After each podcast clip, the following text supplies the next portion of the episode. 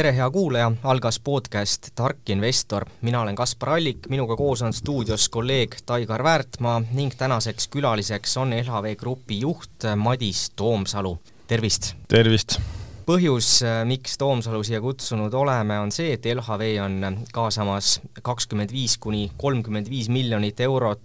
täiendavat kapitali enda investeeringute rahastamiseks ning investorid saavad hetkel siis uusi aktsiaid märkida hinnaga äh, kolmkümmend kuus eurot. märkimine kestab veel esimese juunini kuni kella neljani. Ähm, Toomsalu, te olete otsuse juba teinud ning märkinud kaks tuhat kakssada kaheksakümmend neli aktsiat, mis eurodes teeb ligi kaheksakümmend kaks tuhat tuhat äh, eurot, mis teie jaoks need peamised argumendid olid? mitu erinevat äh, argumenti, et äh, eks vastutustundlik investor oma ettevõtte suhtes käitub ikka nii, et kui raha vaja juurde on, siis proovib seda ka investeerida, kui vahendid on olemas aga ei, suures pildis ikkagi sisulised ootused LHV jätkuva kasvu osas nii, nii rahvusvaheliselt kui ka Eestis, et, et siin viimasel ajal on neid argumente ausalt öeldes isegi juurde tulnud. kuidas tunne on, kas kolmkümmend viis miljonit tuleb kokku, märgitakse täis, märgitakse veel rohkem? ausalt öeldes on niimoodi, et ega me ühtegi märkimist eh, ilma, et, eh, et me näeksime, et see võiks ka ülemärkimiseni viia, kunagi korraldanud ei ole ja, ja eks need ootused on eh, samasugused ka praegu Äh, jah, tõsi on see, et kahekümne viiest miljonist me alustame, ülemärkimise puhul on see kolmekümne viie miljonini, aga märkimise ajal tavaliselt infot välja ei anta, et see klassifitseerub äh, siseteabeks, aga üldiselt äh, muretsemiseks põhjust ei näe praegu. mõnede raha kaasamiste puhul oleme siin näinud, et kõik need õnnestunud ei ole, see mingeid muremõtteid pole tekitanud. Mul on tunne, et head ettevõtted äh, võiksid saada vahendeid äh, erinevates keskkondades ja kõik sõltub äh, plaanidest, et noh, lisaks sellele, et ma ise olen märkinud, mis ütleme, summaliselt ei ole ülisuur number, siis tegelikult tasub vaadata ka teiste insiderite poole, et, et suurem osa panga juhatusest on märkinud ja, ja veel rohkem nõukogu. nõukogu andis juba prospektis indikatsiooni, et et, et nõukogu märkimised kokku rohkem kui kaheksakümne protsendi ulatuses täis saavad märgitud ja täna on enamus äh, märkimisinfot ka insiderite puhul avalik, ehk sealt on näha, et nõukogu liikmed on märkinud kas täies summas või äh, enamuses neile omistatud märkimisõigustest. nii et kõik need, kes on LHV hingeeluga rohkem kursis, et äh, sealt ikkagi valdav osa on, on märkinud ja, ja täiesti arvestatavates suurtes summades mm. -hmm. eelmise nädala lõpus oli see siis äh, üle kuue miljoni euro, kui nüüd midagi sinna juurde lisaks tiksunud ei ole. ja suurim märkija oli LHV kaasasutaja Andres Viisemann, kes märkis siis ähm, ligi kolme koma seitsmekümne kuue miljoni euro eest siis ähm, äh, uusi aktsiaid äh,. jah nagu..., tollal oli veel puudu, oli Rain Lõhmus äh,, esimese suuruselt kõige suurem aktsionär ja suuruselt kolmas aktsionär äh, Ambient Sound Investments oli tollal veel puudu, aga, aga seal on esindatud nõukogu liikmena äh, Ambient Sound Investmentsi äh, juhataja Tauno Tats, nii et äh, kui jälle selle prospektini tagasi minna, et indikatsioon on üle kaheksakümne protsendi, siis üldiselt see matemaatika viib sinna, et, et ka nemad peaksid midagi märkima. nii nagu eelmisel korral, kasutab LHV ka seekord märkimisõigusi antakse nendega eelis siis varasematele äh, aktsionäridele, seekord on nendega läinud rahulikult, mingit suurt et kuidas nüüd öelda, jama nendega lahti läinud ei ole, eelmine kord nii aga oli. esiteks, mis pilguga üldse LHV sees vaadati, kui äh, eelmise raha kaasamise puhul märkimisõiguste hinnad ise kerkisid juba aktsia hinna lähedale? kui väga aus olla, siis eks ta natukene noh, muret tekitas, aga kui seda kõike vaadata kaine pilguga ja, ja mõelda nagu objektiivselt, et äh, tollal meil oli juba suurusjärgus kakskümmend tuhat aktsionäri. Ja meie asi on alati selline investori harimine ka, millega me hea meelega oleme tegelenud, aga mis seal salata, et kui, kui ikkagi nagu paarikümnest tuhandest äh, mõned inimesed teevad tehinguid hindadega, mis ei ole objektiivselt põhjendatud, siis noh, kõikideni ei jõua. et ettevõtte poolt vaadates on olemas investeeringu kohta erinevad äh, leheküljed, aktsiaemissiooni kohta investorleht kõik prospektid, küsimused, vastused, finantsportaalid, Facebookid, raadiosaated, podcast'id, et äh, kui ühelegi nendele pihta ei saa ja siis teha tehinguid äh, mingisuguse X hinnaga, noh siis peeglisse vaadates ausalt öeldes kõigini ei jõua. Seekord, äh, kuna me teeme seda juba mitmendat korda, siis tegelikult see instrument on maailmas laialt kasutatav ja hea meel on, et see on nüüd omaks võetud ka Eestis, ehk see tegelikult äh, noh, uute instrumentidega tulek ja jälle sellise investorkogukonna mõnes mõttes järgmisele, järgmise instrumendiga tutvustamine, et see on vilja kandnud, et seekord tõesti ühtegi probleemi seal siiamaani olnud ei ole kui meie seas on kuulajaid ka, kes LHV Grupiga päris äh, tuttavad ei ole, siis ma loen siia mõned numbrid ka ette, et ettevõtete laenude turuosa on teil hetkel äh, ligi neliteist protsenti äh, kogu Eesti pangandusturust, kodumaiste maja laenude turuosa on üheksa protsenti, hoiuste turuosa on teil kakskümmend protsenti, seal on sees küll äh, UK suunalt finantsvahendajate äh,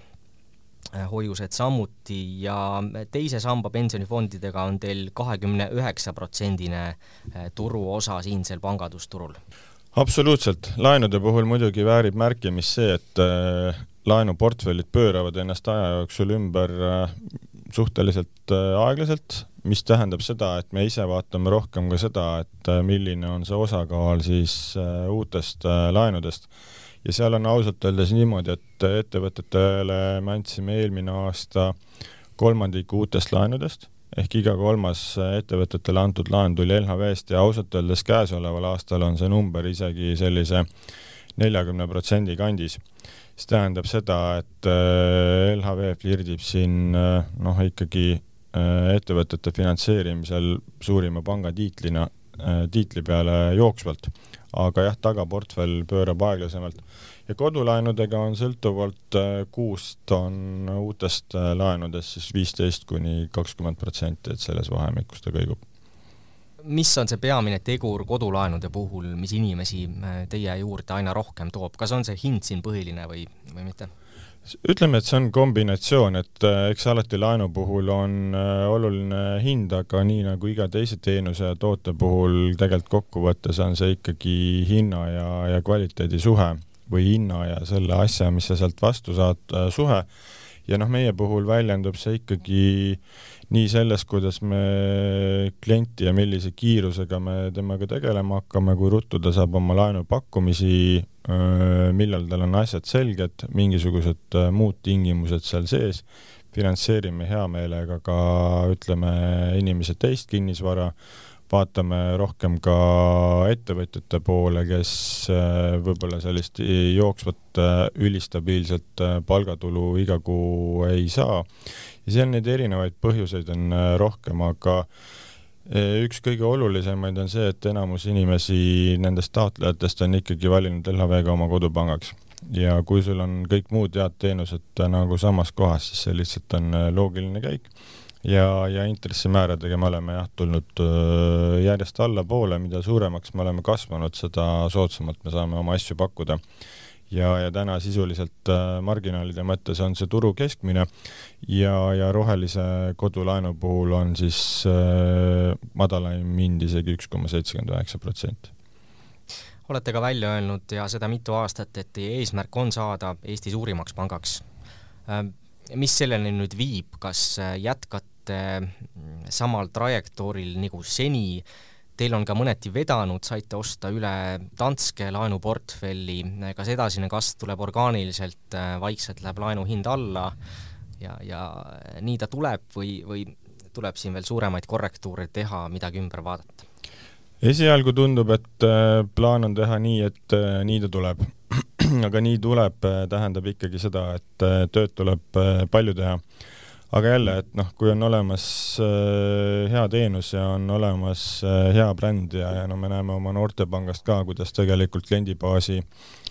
kliendibaasi suurenemine just nii-öelda tuleviku klientide puhul on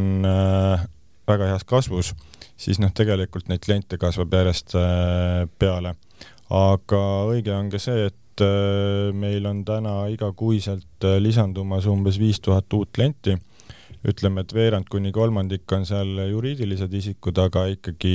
sihuke kolm kuni neli tuhat eraklienti igas kuus on Eesti kohta väga muljetavaldav number ja eks nad siis järjest aktiivsemalt hakkavad teenuseid ka kasutama. jah, aastaks kaks tuhat kolmkümmend kaks on eesmärk äh, suurimaks pangaks saada, aastaks kaks tuhat kakskümmend seitse suuruselt teiseks ja, ja kui vaadata meie finantsplaani, siis eks me selles suunas äh, liigume ka, kuigi finantsplaan ütleme ausalt, äh, on välja antud äh, aasta alguses ja, ja siin majanduskeskkonna mõju noh, pigem mingeid asju isegi meie kasuks soodustab. aga ambitsioonid on suurelt ja ja kui inimesel on aega iga päev paar tundi ainult muretseda, siis me oleme otsustanud, et me muretseme ainult suurte asjade pärast. nii et pigem teeme suure plaane ja, ja, ja üritame neid siis äh, täita, aga, aga jah, laenudega ongi kõige raskem, muudes kohtades me näeme, et need trendid on päris head, kuigi laenude puhul tegelikult äh, samamoodi, et, et seal ütleme, olemasoleva plaaniga on natukene vaja juurde panna, aga, aga teistpidi ütleme siis nii, et äh, kriis on meie puhul, meile endale vähemalt tundub ka väga hea võimalus äh, neid osakaalu, osakaalusid siis veel parandada. küsin veel selle osas üle, et ähm, laenumahud kasvavad, inimesi äh, tuleb teile aina suuremas tempos juurde, kas mingite mahtude kasv on selline, millega ei saa rahule jääda, kindlasti mitte? kusjuures täna ei ole, et, et pangas Eestis kindlasti ei ole kui vaadata eraldi äh, UK poole, siis äh, seal on küll niimoodi, et äh, me vahepeal mõned kliendid saatsime välja, sest nad ei jõudnud oma riskijuhtimise mõttes sellisele tasemele, nagu me eeldasime, et nad jõuavad. aga ütleme, et see oli selline ühekordne harjutus, kui me täna vaatame jälle, siis on uute klientide lisandumine taas tagasi ja, ja tegelikult mahud jälle ja jätkuvalt kasvavad et seal võib ka kokku võtta, et üks samm tagasi, et, et äh, pärast kaks sammu teha edasi. aga noh, sellised äh, lühiajalised kõikumised on pigem normaalsed, kui vaadata suurt pilti, siis äh, tegelikult ei ole, et äh, pensionifondide mõttes on isegi hästi, sellepärast et seal on väga okeid äh, tootlused, arvestades keskkonda. kui korra rääkida ka sellest äh, UK suunast ja finantsvahendusest, just mainisite, et ettevõtete riskikäitumine, kui see nüüd õige sõna oli, ei olnud päris selline, nagu tahtsite, natuke avada ka seda, kes need ettevõtted seal on, keda te teenindate ja mis see riskikäitumine nende puhul siis täpsemalt oli? asi ei olnud isegi võib-olla riskikäitumises, vaid on mingisugused eeldused, et, et need finantsvahendajatest ja maksevahendajatest kliendid, kes meil seal on, jõuavad oma riskiprofiililt ja riskijuhtimis, ütleme, standarditelt samale tasemele kui Äh, meie enda äh, meie enda nii-öelda süsteemid, sellepärast et lõpuks äh, käivad need maksed läbi meie ja me tahame olla kindlad, et need standardid vastavad siis ütleme pangandusstandarditele iga kord eh, ei ole see lõppkokkuvõttes niimoodi olnud ja siis see on lihtne otsus. aga noh, veel kord, et see kuidagi ei erine tavapärasest pangandusest, kus eh, kliente vahepeal ikkagi ära saadetakse ja ei erine ka krediidiportfellist, kus mõnikord on mõni halvaks minev laen. et seal samamoodi, seal lihtsalt eh, kogu selle äri olemus on see, et pead olema äh, väga suutlik monitoorima ja, ja siis maandama ka riski äh, riske rahapesu, rahapesu valdkonnas ja, ja kui me näeme, et kliendisüsteemid ja dokumentatsioon ja, ja selline nagu omakorda eh, nende klientide poolne käitumine ei ole päris sellisel tasemel, nagu me tahame, siis see on eh, lihtne otsus. et kuidagi üle seda dramatiseerida ei maksa, aga, aga vahel tuleb neid otsuseid ka teha. meil sellest tekkis korraks tulude langus, aga see sisuliselt on nüüd taastunud ja, ja, ja kliente jälle tuleb raha kaasate äh, peamiselt äh, Ühendkuningriigi investeeringute jaoks, ähm, taotlete seal krediidiasutuse litsenti, litsentsi ja peale seda tahate siis uue panga kapitaliseerida, kui sealseid plaane avada, mis seal siis äh, plaanis teha on? no tundub, et meil ühest pangast on vähe et teeks teise juurde. ja noh, sealt see mõte nagu hakkama saigi, et, et meil äri seal iseenesest juba oli, see tegutses LHV panga filiaali all aga noh, filiaal kaugelt vaadates on lihtsalt üks osakond, et äh, peaks olema seal klientidele lähemal. Äh, seal on soodsam keskkond, rohkem investeeringuid ja noh, tänaseks on meie kliendid ka ikkagi suuresti seal. ja teeme siis pangaks ära ja mõte on siis see, et on investoritel suurem selgus ja tegelikult kliendid ka, sest kliendid äh, vajavad ikkagi mingit panka ja noh, olgem ausad, et sellist kohalikku panka Äh, kohalikus regulatsioonis äh, Londonis kohapeal on äh, võib-olla lihtsam neil suhelda kui, kui siin Eesti filiaaliga, aga teine sisulisem põhjus on see, et selle litsentsi alt on võimalik äri kasvatada ja teha juurde muid ärisuundasid ka. et kui täna on selline maksevahendajatest klient ja, ja natukene muid finantstehnoloogia ettevõtteid juurde, olgu see siis näiteks krüptobörsid või, või mõni muu, siis äh, plaanis on ikkagi niimoodi, et äh, pangalitsents tähendab krediidi andmise võimalust ja pangalitsents tähendab seda, et äh, need tänased tooted, mis meil juba praegu on, peamiselt erinevad makselahendused, reaalajas naelamaksed, reaalajas euromaksed, erinevad kontolahendused, erinevad valuutalahendused, likviidsuslaenud ja noh, meie puhul äh, selline ühenduvus äh, kõik ühe keskse API kaudu ehk kliendile hästi äh, mugav. Et selle tooteportfelliga me saame tegelikult minna järgmisse kliendisegmenti, milleks on e-kaubandus. ja, ja meil on täna ka erinevate maksete vastuvõtmise võimalus, et sealt tuli see Everipay ostmine, kaardimaksete vastuvõtmine, avatud panganduse maksete vastuvõtmine, mis tähendab siis seda, et keegi kolmand-, kolmanda osapoole kaudu võib siis klient Äh, makseid algatada. Neid variante on seal palju ja, ja tegelikult äh, kui see korralikuks nii-öelda tooteks ära paketeerida, siis see on tegelikult nagu e-kaubanduse jaoks ütleme pehmelt öeldes hea unenägu, et saab asjad ühest kohast ja, ja saab samamoodi äh, oma laenud äh, ka ühest kohast et sellist lahendust üldiselt, kus sul on äh, maksed ja laenud äh, ühest kohast niimoodi, et maksed on tehnoloogiliselt kõrgel tasemel, ega naljalt äh, neile keegi pakkumas ei ole. Kui lihtne neid plaane täita olema saab? ma arvan, et ütleme, et suures plaanis järjest lihtsam, sellepärast et meie mõttes see areng tuleb välja nagu kahest erinevast kohast, et üks on toodete arendamine millega meil tundub, et me oleme suhteliselt noh, lõppjärgus ei ole kunagi, sellepärast et tooted arenevad alati, aga ütleme, need plaanid, mis me näeme, et tooteportfelli tuleb lisada või on tulnud lisada, et need on sellised äh, kaheksakümmend, üheksakümmend protsenti valmis. mõni asi tuleb juurde leida, eelkõige puudutab see erinevaid, erinevate riikide ja regioonide makseskeeme. Et kui täna on reaalajas euro ja nael, siis oleks hea, kui neid makseskeeme oleks rohkem, samamoodi eri, e-, erinevaid maksete vastuvõtmise võimalusi natukene juurde, et siin kaardimaksed ja avatud panganduse maksed juba sai mainitud, ehk kui need äh, tooted on valmis täna niisuguse kaheksakümne, üheksakümne protsendi ulatuses, siis peale seda on ainult see, et äh, proovi need siis kuidagi söödavasse vormi panna, noh, mis ütleme, suures plaanis on ka oluline ja, või olemas peaaegu ja siis tuleb lihtsalt müüma hakata. Et eks me oleme sellises natukene nagu arengufaasis veel, aga, aga täna ikkagi selles murdepunktis, kus tuleb hakata müüma. see muidugi kehtib kõik selles, et äh, sellest punktist, kui meil on pangalitsents on äh, olemas, et paljusid asju me enne teha ei saa noh, me loodame selle litsentsi aastavahetuse paiku saada, mis on suhteliselt äh, plaanis võrreldes esialgsete mõtetega, aga et kui see litsents on seal olemas, siis lihtsalt tuleb ehitada üles müügiorganisatsioon. Taustal meil on äh, need värbamised juba käimas, nii et äh, noh, selline klassikaline ettevõtte ehitamine, et on tooted, on müük, on organisatsioon,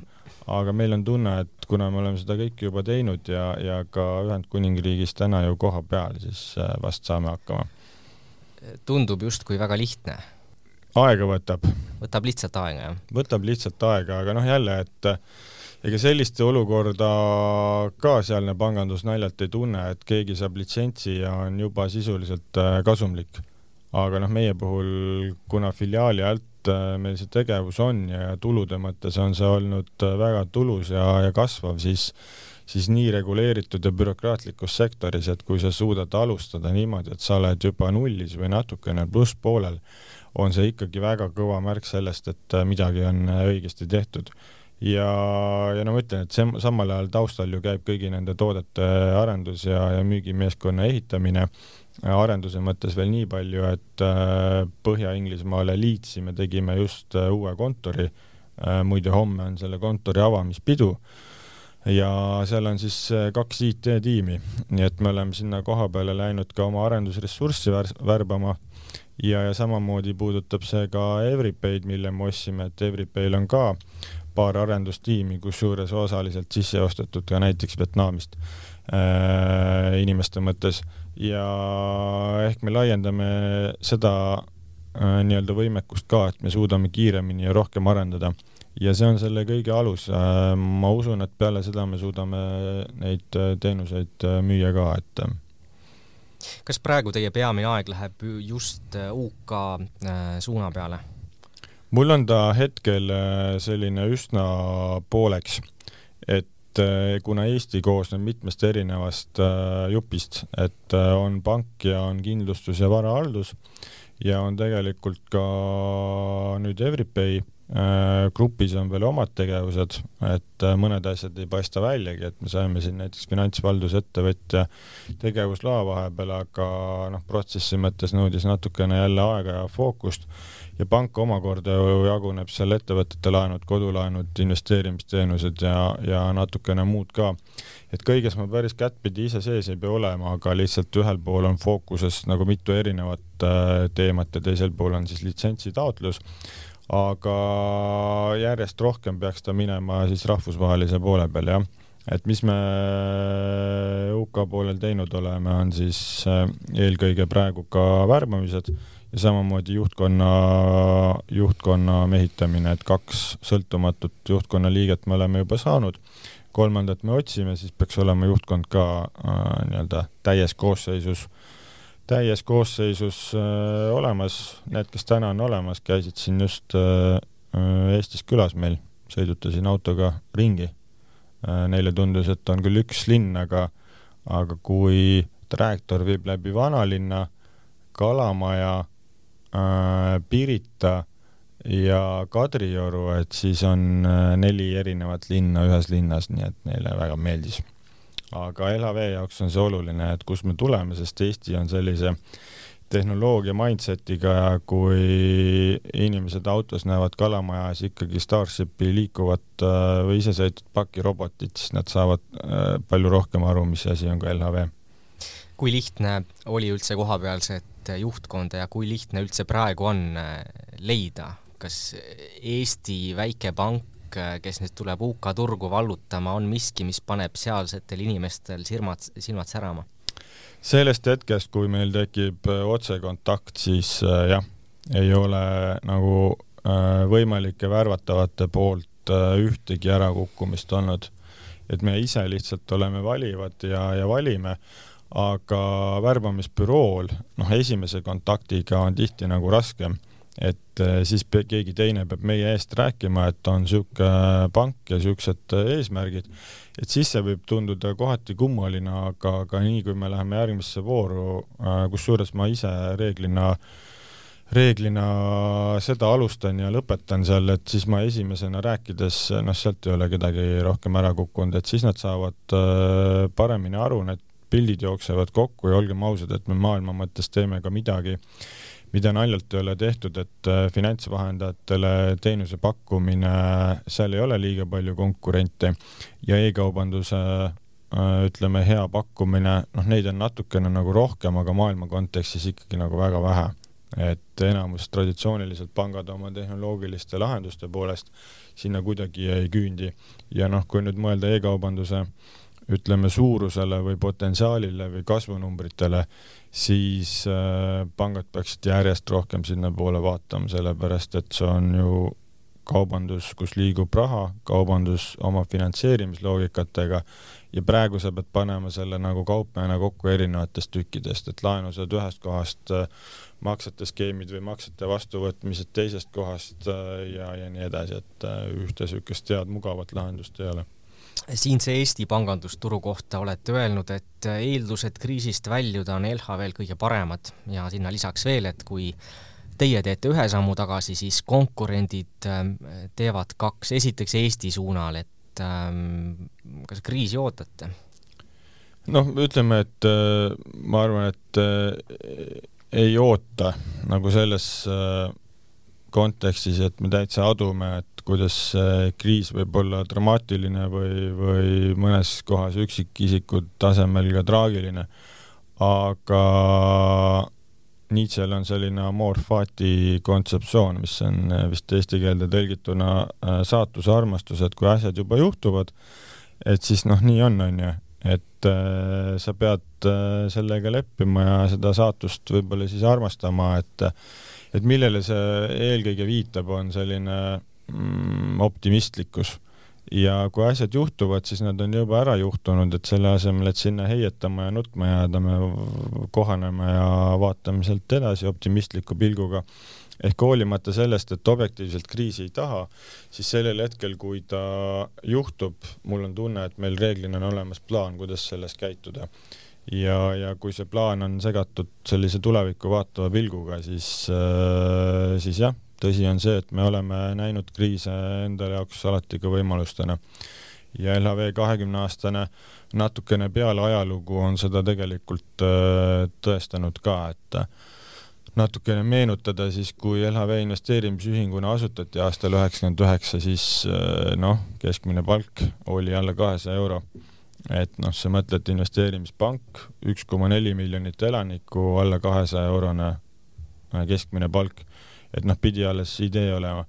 pensioni teise samba reformi ajal kaks tuhat kaks alustasime nullist, kaks tuhat üheksa pank oli keset äh, suurimat finantskriisi äh,, finantsvahendajate ärisuuna ja UK-sse laienemise otsuse küll filiaali kaudu, aga siiski tegime siis, kui tuli äh, Brexit ja noh, neid näiteid äh, erinevaid on, et ega, ega mis seal siis ikka, tuleb ära teha ja edasi minna ja ja praegu ka, et neid kriise, mida siin paberi peal loetleda võib, tõenäoliselt on käimas mingisugune neli või viis erinevat. aga las nad siis olla ja, ja võib-olla ongi hea, et kui asjad juhtuvad kiiresti ja korraga ära, siis on vähemalt mingisugune selgus ja, ja ootus nendele nagu lahendustele, et äh, vindumine, ma arvan, on tõenäoliselt kõige hullem asi üldse siin Eestis konkureerite suurte Skandinaavia pankadega, UK-s on seis kindlasti teistsugune, palju kohalikke tegijaid, ka palju väikseid kohalikke tegijaid, kes seda turgu on, kes on seal pikalt turul kohal olnud. ehk lähete justkui võõrale mängumaale, et kuidas seal see seis paistab, kui peaks tulema mingi tagasilöök majanduses, kuidas seal need väljavaated on? See on tegelikult päris huvitav, et äh, ütleme, et selliste traditsiooniliste nimede pealt me ei näe endal peaaegu ühtegi konkurenti.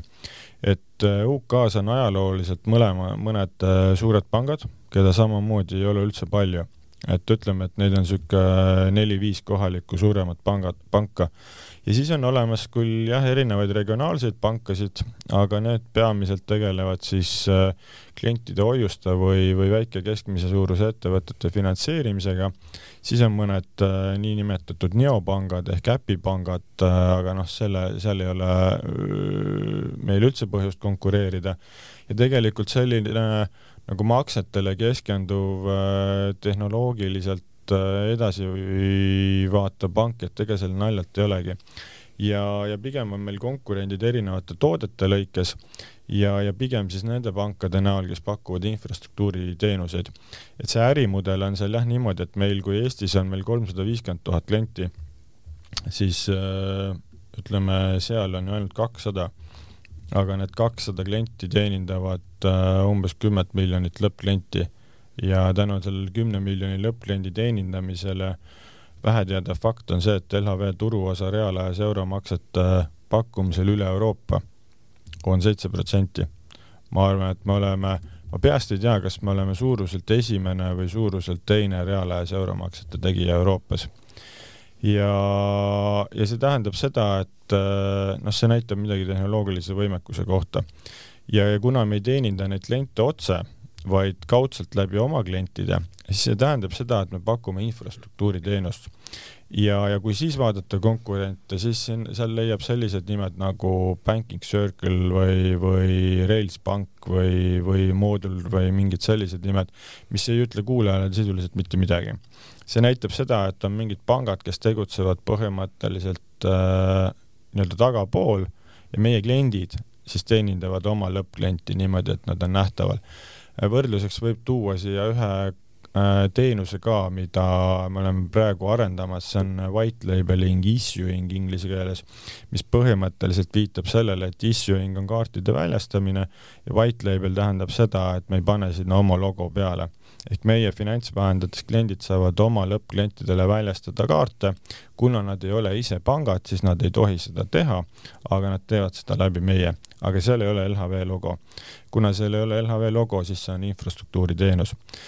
ja, ja see ongi tehnoloogia, et kui tavaline pangandus hakkab laenudest ja laenude jaoks on vaja hoiust ja hoiuse jaoks on vaja klienti, klienti saada, siis peaks olema maksed, kaardid, äh, mingid äh, huvitavad muud teenused, äh, pangakaardid erinevat värvi, kõik siuksed nagu fun asjad juures aga sisuliselt hakkab ikkagi laenudest. laenudega on see lugu, et see kahjuks on nagu kohalik või regionaalne asi, igal pool on omad regulatsioonid, natukene oma turg äh,, mm, omad pangalitsentsid, kui sa laieneda tahad, siis äh, UK-s on vastupidi, et meie keskne toode, seal on maksed, maksed on tehnoloogia, võib minna üle piiride ja siis me laieneme orgaaniliselt uutesse toodetesse nagu äh, niipidi, et et äh, meil on klient, kes hakkab maksetest ja siis võtab muid tooteid juurde. ja sellist nagu filosoofilist lähenemist pangalitsentsi all, et pank algab maksetest, äh, peaaegu ei leidu. sellepärast ma ütlen, et igas üksikus tootes võib olla konkurenti, et noh, makseid ju teevad kõik pangad, aga sellist, kus on need maksed kokku pandud erinevates valuutades reaalajas ja sinna kõrvale on ehitatud kõik muud teenused, sellist pakkumist naljalt ei ole seega, kui minna kümne aasta pärast Londoni tänavale, küsida inimeste käest, et kas te LHV Panka teate, mis see vastus sealt äh, tulla võib, kas on ambitsioon, et äh, oleks nimi, mida inimesed äh, kõik teavad või see tähtis ei ole? Sellega on nii ja naa, et, et ma praegu jäin mõtlema, et on niisugune ettevõte nagu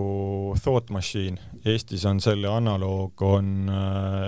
keda me kasutame ise ka UK-s põhilise pangandusplatvormina ja kuhu me oleme ise ka investeerinud, on Tuum siis äh, Thought Machine on niisugune naljakas asi, et ta ju pakub panga põhisüsteemi ja see ei peaks huvitama ühtegi nagu lõppklienti, aga ometi Thought Machine on päris nähtav äh, kuskil LinkedIni reklaamides ja asjades, et see bränding täna isegi nagu infrastruktuuri ettevõtetel võib kohati täitsa toimida. et sellepärast ma ütlen, et nii ja naa, et, et kuna me ühel hetkel hakkame nendele finantsvahendajatest ja e-kaubandusettevõtetest andma ka laenu, siis noh, see teadmine võib kuidagi nagu lõppkliendini ka jõuda, aga seda, et me otse läheks seda lõppklienti teenindama eraisiku tasemel, seda ei ole ehk see ei tule läbi otsese suhtluse, see võib olla niisugune üldisem nagu e-, ettevõtte bränding laiemalt, mida tõenäoliselt on vaja teha eelkõige sellepärast, kui me tahame inimesi, häid inimesi tööle võtta ja värvata, et siis noh, natuke nagu see nimi peab ka mängima, aga see ei ole jah niipidi, et iga klient teab. Äh, metroosse täna veel plaanis minna ei ole, aga noh, jumal seda teab, et me oleme äh, kümneid kordi LHV ajaloos öelnud midagi, mida me ei tee ja siis pärast oleme ikka teinud, nii et hiljuti oli teil ka strateegiakoosolek Ühendkuningriigi äh, kontekstis, mis seal selgemaks sai? Ähm? ja see on tõsi, et oli, aga ütleme niimoodi, et ma mõtlen, et suurem pildi ma olen siin ära rääkinud, et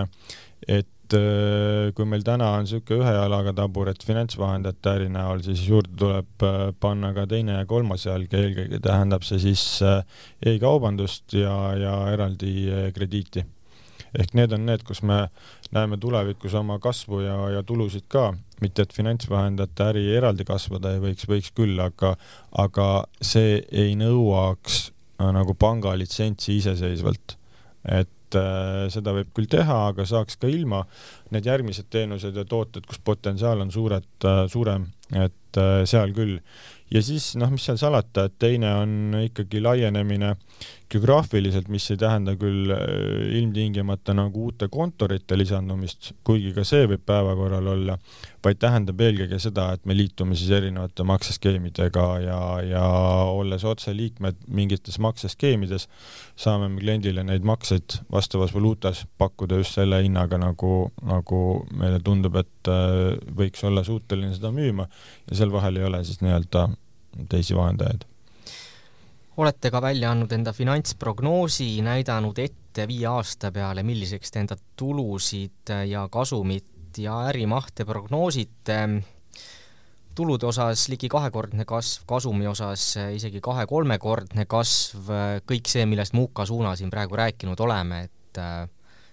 suur osa nendest plaanidest, ma saan aru, et finantsplaanis sees ei olegi, välja arvatud siis finantsvahenduse suund jaa, meil laskmata karunahka enne ei ole mõtet jagada, kui, kui karu on jah, lastud külili. aga, aga seal on plaanis on jah, ainult see äri, mis meil täna olemas on ehk finantsvahendajate äri. see, mis eh, tuleb juurde peale litsentsi, siis me peame plaani niikuinii uuendama ja mis seal veelgi sees ei ole, et seal on tõepoolest eh, kasumi kasv kaks pool korda aga seal on äh, tehtud üks äh, olulisemaid eeldusi, mis tundub, et täna, äh, täna läheb teistsuguseks, on see, et kuna me Euribori prognoosid võtame alati turult, et nii nagu noh, turu parim teadmine sellel hetkel on, siis äh, olemasolevas prognoosis on eeldus, et Euribor äh, jõuab positiivsele territooriumile aastaks kaks tuhat kakskümmend viis täna meil on äh, Christine Lagarde, kes on äh, öelnud, et äh, Euribor või ütleme siis keskpanga intressimäärad, millega Euribor on väga tugevalt seotud, jõuavad tõenäoliselt positiivsele territooriumile käesoleva kolmandas, käesoleva aasta kolmandas kvartalis, mis põhimõtteliselt on, ütleme, kaks pool aastat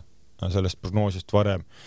ja kuna me oleme ülitundlikud intressikeskkonna muutusele, siis äh, see on üks suurimaid väliseid tegureid ja näide on lihtne, et kui Euribor äh, jõuab ühe protsendini, siis LHV kasum äh, kasvab umbes viiekümne protsendi võrra. et noh, igaüks võib sealt ise siis tuletada, et kui Euribor on null koma viis või üks koma viis või kaks, noh, tõsi on ka see, et kui intressimäärad kasvavad liiga palju, hakkab see mõjutama ettevõtteid ja nende maksevõimet, et siis tulevad ühel hetkel krediidikahjud äh, vastu, aga selline paariprotsendine intressi või Euribori muutus ei tohiks seda liiga palju tekitada. eraldiseisev on muidugi see, et majanduskeskkond üldiselt, aga ütleme, et intressikeskkonna muutuse sensitiivsus on meile positiivselt äh, ülisuur intressimuutus tuleb, saan aru, peamiselt juba olemasoleva portfelli pealt. Äh, kuidas see võib mõjutada uusi peale tulevaid laene? ta selles suhtes mõjutab samamoodi, et kuna äh, suurem osa portfellist on ikkagi Euriboriga seotud, siis Euribori muutus jõuab sinna portfelli sisse, noh et iga kuue kuu tagant võetakse siis turu viimane Euribor ja niimoodi see portfell ennast kogu aeg ümber äh, pöördub noh, see, et äh, kõrgemad intressid ja majanduskeskkond üldiselt äh, võib vähendada investeerimisaktiivsust, äh, laenunõudlust, see on muidugi ka selge. aga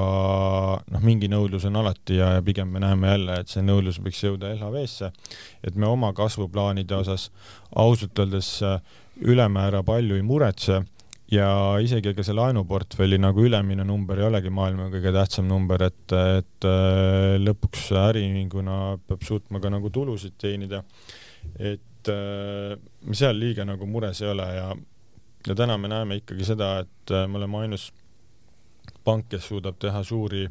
laenuotsuseid siin ja koha peal mitte, et peaks nii palju tegema alati, aga, aga meie limiit on täna seitsekümmend miljonit eurot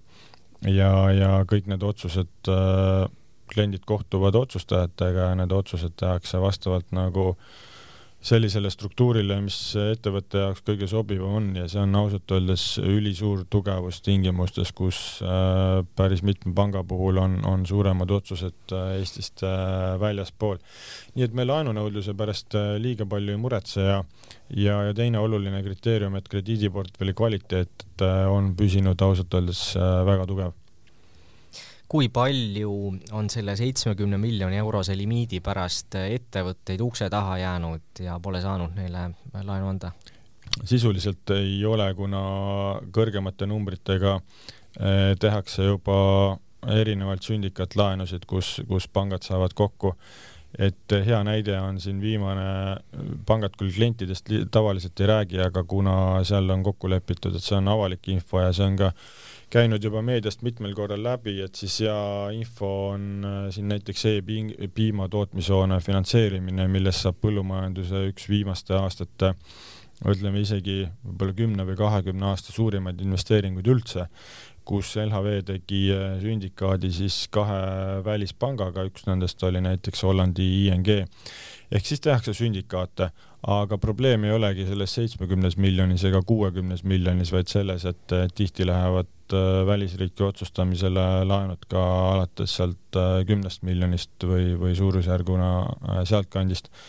ja, ja noh, neid laene on juba päris palju ja neid ettevõtjaid, kellele selline investeerimissumma ära kuluks mingil hetkel soovivad ka hoiustajad intressi saada enda hoiuste pealt, kui Euribor tõuseb, kuidas siin LHV äh, tegutseb, mil hetkel äh, tahate ja plaanite maksta Euribori tõusu puhul siis hoiuse pealt intressi? jah, üldiselt äh, käivad need asjad käsikäes, küsimus on lihtsalt viitajas, kuna täna on äh, pangad äh, väga likviidsed, siis äh, hoiustajatele jõuab see intress äh, mingisuguse viitajaga, et lõpuks on see täiesti tavapärane nõudluse ja pakkumise äh, dünaamika.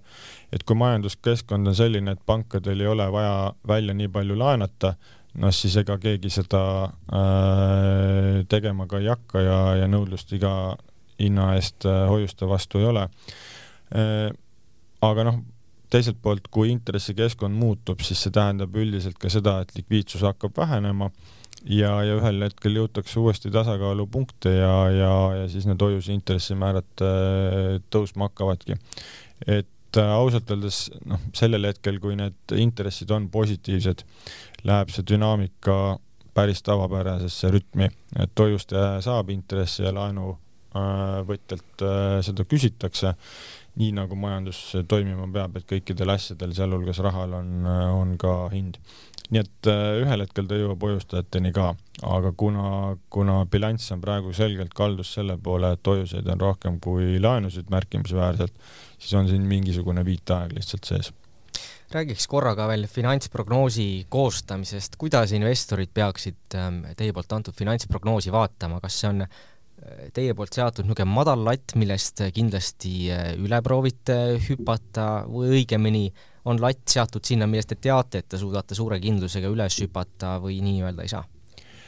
Nii öelda ei saa, et, et äh, olles ise turgudel tegutsenud ka kaua aega, siis äh, ma seda mentaliteeti ei jaga, et, et madal prognoos, mida on hea üle, ületada, et eks turg ja investorid saavad ühel hetkel aru sellest ja hakkavad niikuinii selle järgi siis omakorda tegutsema et meil on ikkagi niimoodi, et äh, meie eesmärk on prognoosida kõige tõenäolisemat äh, tulemust, mis me päriselt äh, usume, et võiks olla kõige tõenäolisem. aga noh, küsimus on alati eeldustes see Euribori näide on hea koht, kus ühel pool on nagu väljas olev finantsprognoos, kus on eeldus ja eeldus on täna tegelikult täiesti valeks osutumas. et me ei ole ise Euribori prognoosima hakanud, sellepärast et selle kohta on hea öelda, et, et kui seda ise teed, siis ja oled turust targem, siis palun väga, et teeni sellega raha. kuna me ei oska sellega raha teenida, siis äh, me ei tunne, et me oleme selle prognoosimisel kuidagi targemad, ehk me võtsime selle turult. tõele au andes olid seal ju ikkagi mingisugused noh, arusaamad ja mõtted ka, et kuidas Keskpank äh, võiks toimetada, aga noh, nendest mõtetest liiga palju kasu ei ole. ja täna on see eeldus osutunud täielikuks vale, täielikult valeks ja, ja noh, nüüd ongi et see mõjutab äh, tulemusi väga palju. aga mis me oleme samamoodi öelnud, et me uuendame aasta keskel ainult jooksva aasta prognoose, kui me näeme, et see on muutumas ja viie aasta prognoose me uuendame ainult korra aastas. nii et viie aasta prognooside muudatust hoolimata sellest, et kas ja kuidas muutuvad eeldused või tulemused, siis me praegu muutmas ei, ei ole esimese kvartali puhul ähm, jäite äh, finantsprognoosile kasumiga ligi paari miljoni võrra alla. Kuidas äh, järgneva aasta jooksul äh, nüüd paistab, et Euribori tõus tuleb siin appi kindlasti? Euribori tõus tuleb appi ja tegelikult me oleme ise ka üht-teist teinud, et seal finantsvahendajate ärisuunal samamoodi, et, et me oleme tõstnud seal kontohaldustasusid kaks korda aga need summad on, on, on selles maailmas sellised, et kui kui enne maksis klient kaks tuhat viissada eurot kuus, siis täna ta maksab viis tuhat ja, ja kui äh, jah, ja krüptoettevõtetega või krüptodega seotud ettevõtted siis seitse pool tuhat eurot kuus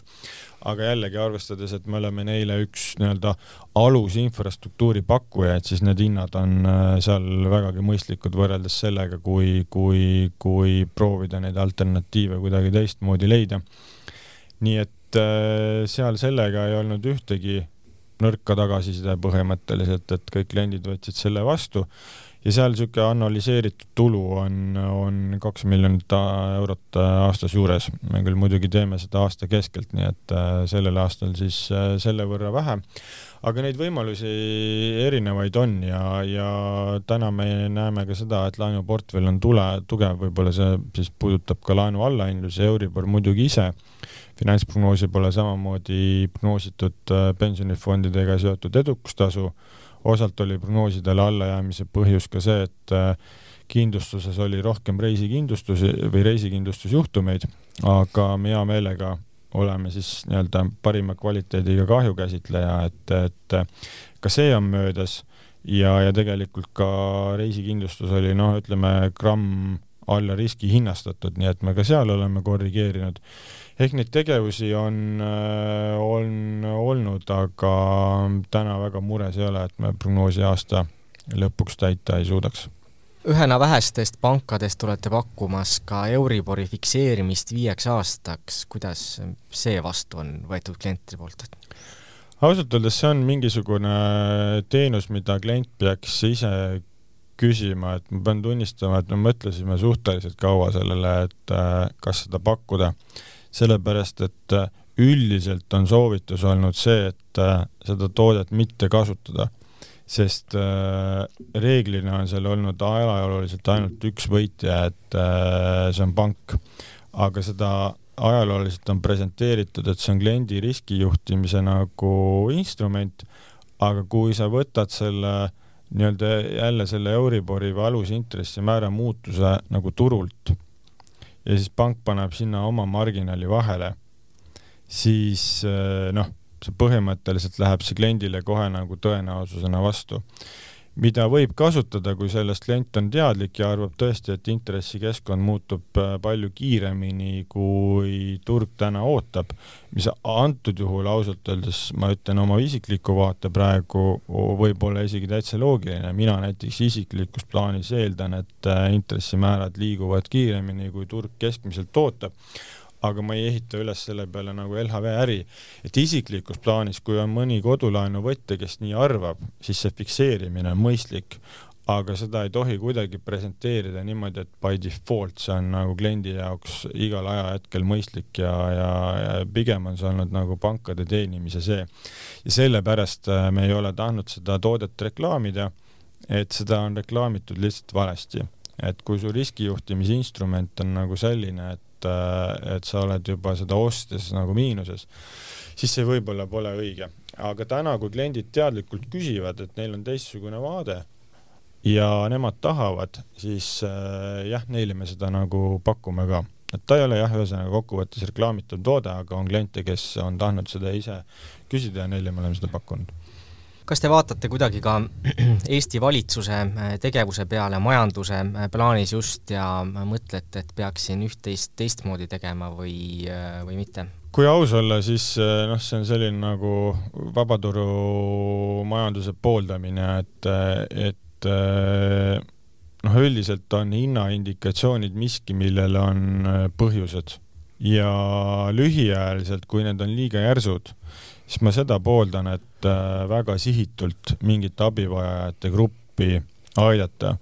aga ma olen iga kell äh, rohkem valmis uskuma seda, et äh, hinnaindikatsioon, kus tegeletakse põhjustega, on lõppkokkuvõttes kasulikum ja mõistlikum kui see, et puhverdada ja ta peita kuhugi toetuste alla ja siis mitte jõuda algpõhjusteni. et tänane inflatsioon on ikkagi segu asjadest, mis kõik ei ole meie kontrolli all, et äh, Euroopa Keskpanga poliitikast on siin üksjagu räägitud, et äh, LHV on siin, LHV, et Eesti siin on laiemalt tegelikult olnud äh, üks olulisemaid võitjaid. et nüüd natuke tuleb selle eest tagasi maksta, teine on energiahindade asi aga peabki olema äh, isevarustatus suurem, peab olema energiajulgeolek suurem, peabki investeerima rohkem äh, roheenergeetikasse ja energiahindadega on niimoodi, et noh, et kuna see baasaasta või, või numbrid ju praegu kasvavad, siis kui järgmine aasta võrrelda selle aasta vastu ja need hinnad on samal tasemel, siis see inflatsiooni komponent kaob ära. Ja, ja siis muidugi on äh, kõik see, mis on seotud tarneraskustega aga ega siin ei maksa ka illusioone luua, et meil naaber jälle heaks muutub ja, ja paljud nendest äh, tarnetest taastuvad,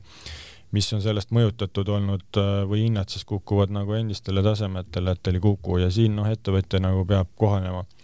ehk et toetusi suurte muutuste korral võib teha, aga, aga ma olen nõus sellega, et hästi sihitult üldiselt peaks tegelema juurprobleemidega seal, kus on võimalik, antud juhul ainuke koht, kus on võimalik, on tarneahelad, ettevõtted, erasektor tegelevad seal ise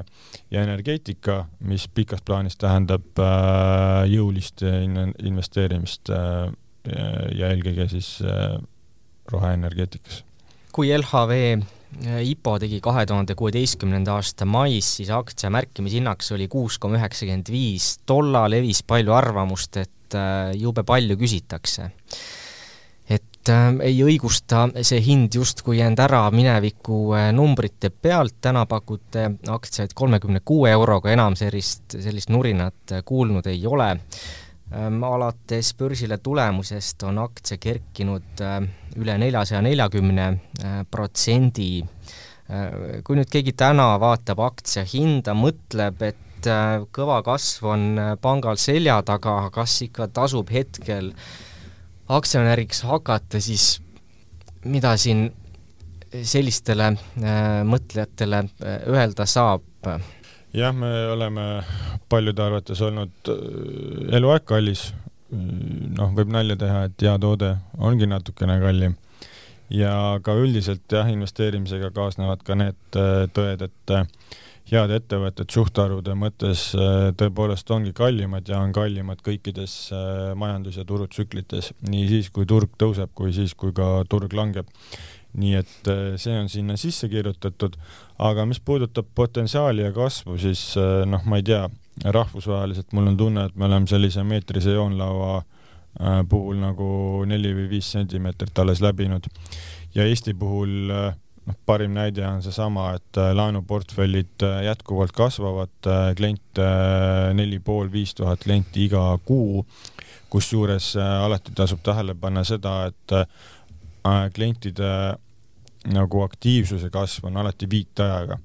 et äh, kliendi saamine ei tähenda seda, et ta hakkab kohe teenuseid kasutama, pigem on see ette tehtud äh, töö selle nimel, et tulevikus see nii juhtuks. et meil on väga palju kasutamata ka seda potentsiaali, mis teha lihtsalt äh, klientide nagu aktiivsuse kasvust tuleneb, aga seal võib-olla ei peagi alati ise midagi tegema, sest inimesed on oma elu erinevates tsüklites ja ühel hetkel nad jõuavad ise sinna, sinna kohta välja ja siis noh, loomulikult äh, see palju mainitud Euribor juba, mis äh, tähendab seda, et ise liiga palju ei peagi tegelema ja ja tuleb kuskilt äh, nii-öelda välistest mõjudest. noh, Euroopa kontekstis on see ausalt öeldes väga oodatud sündmus, sest Euroopa pangad on aastast kaks tuhat üheksa või finantskriisi lõpust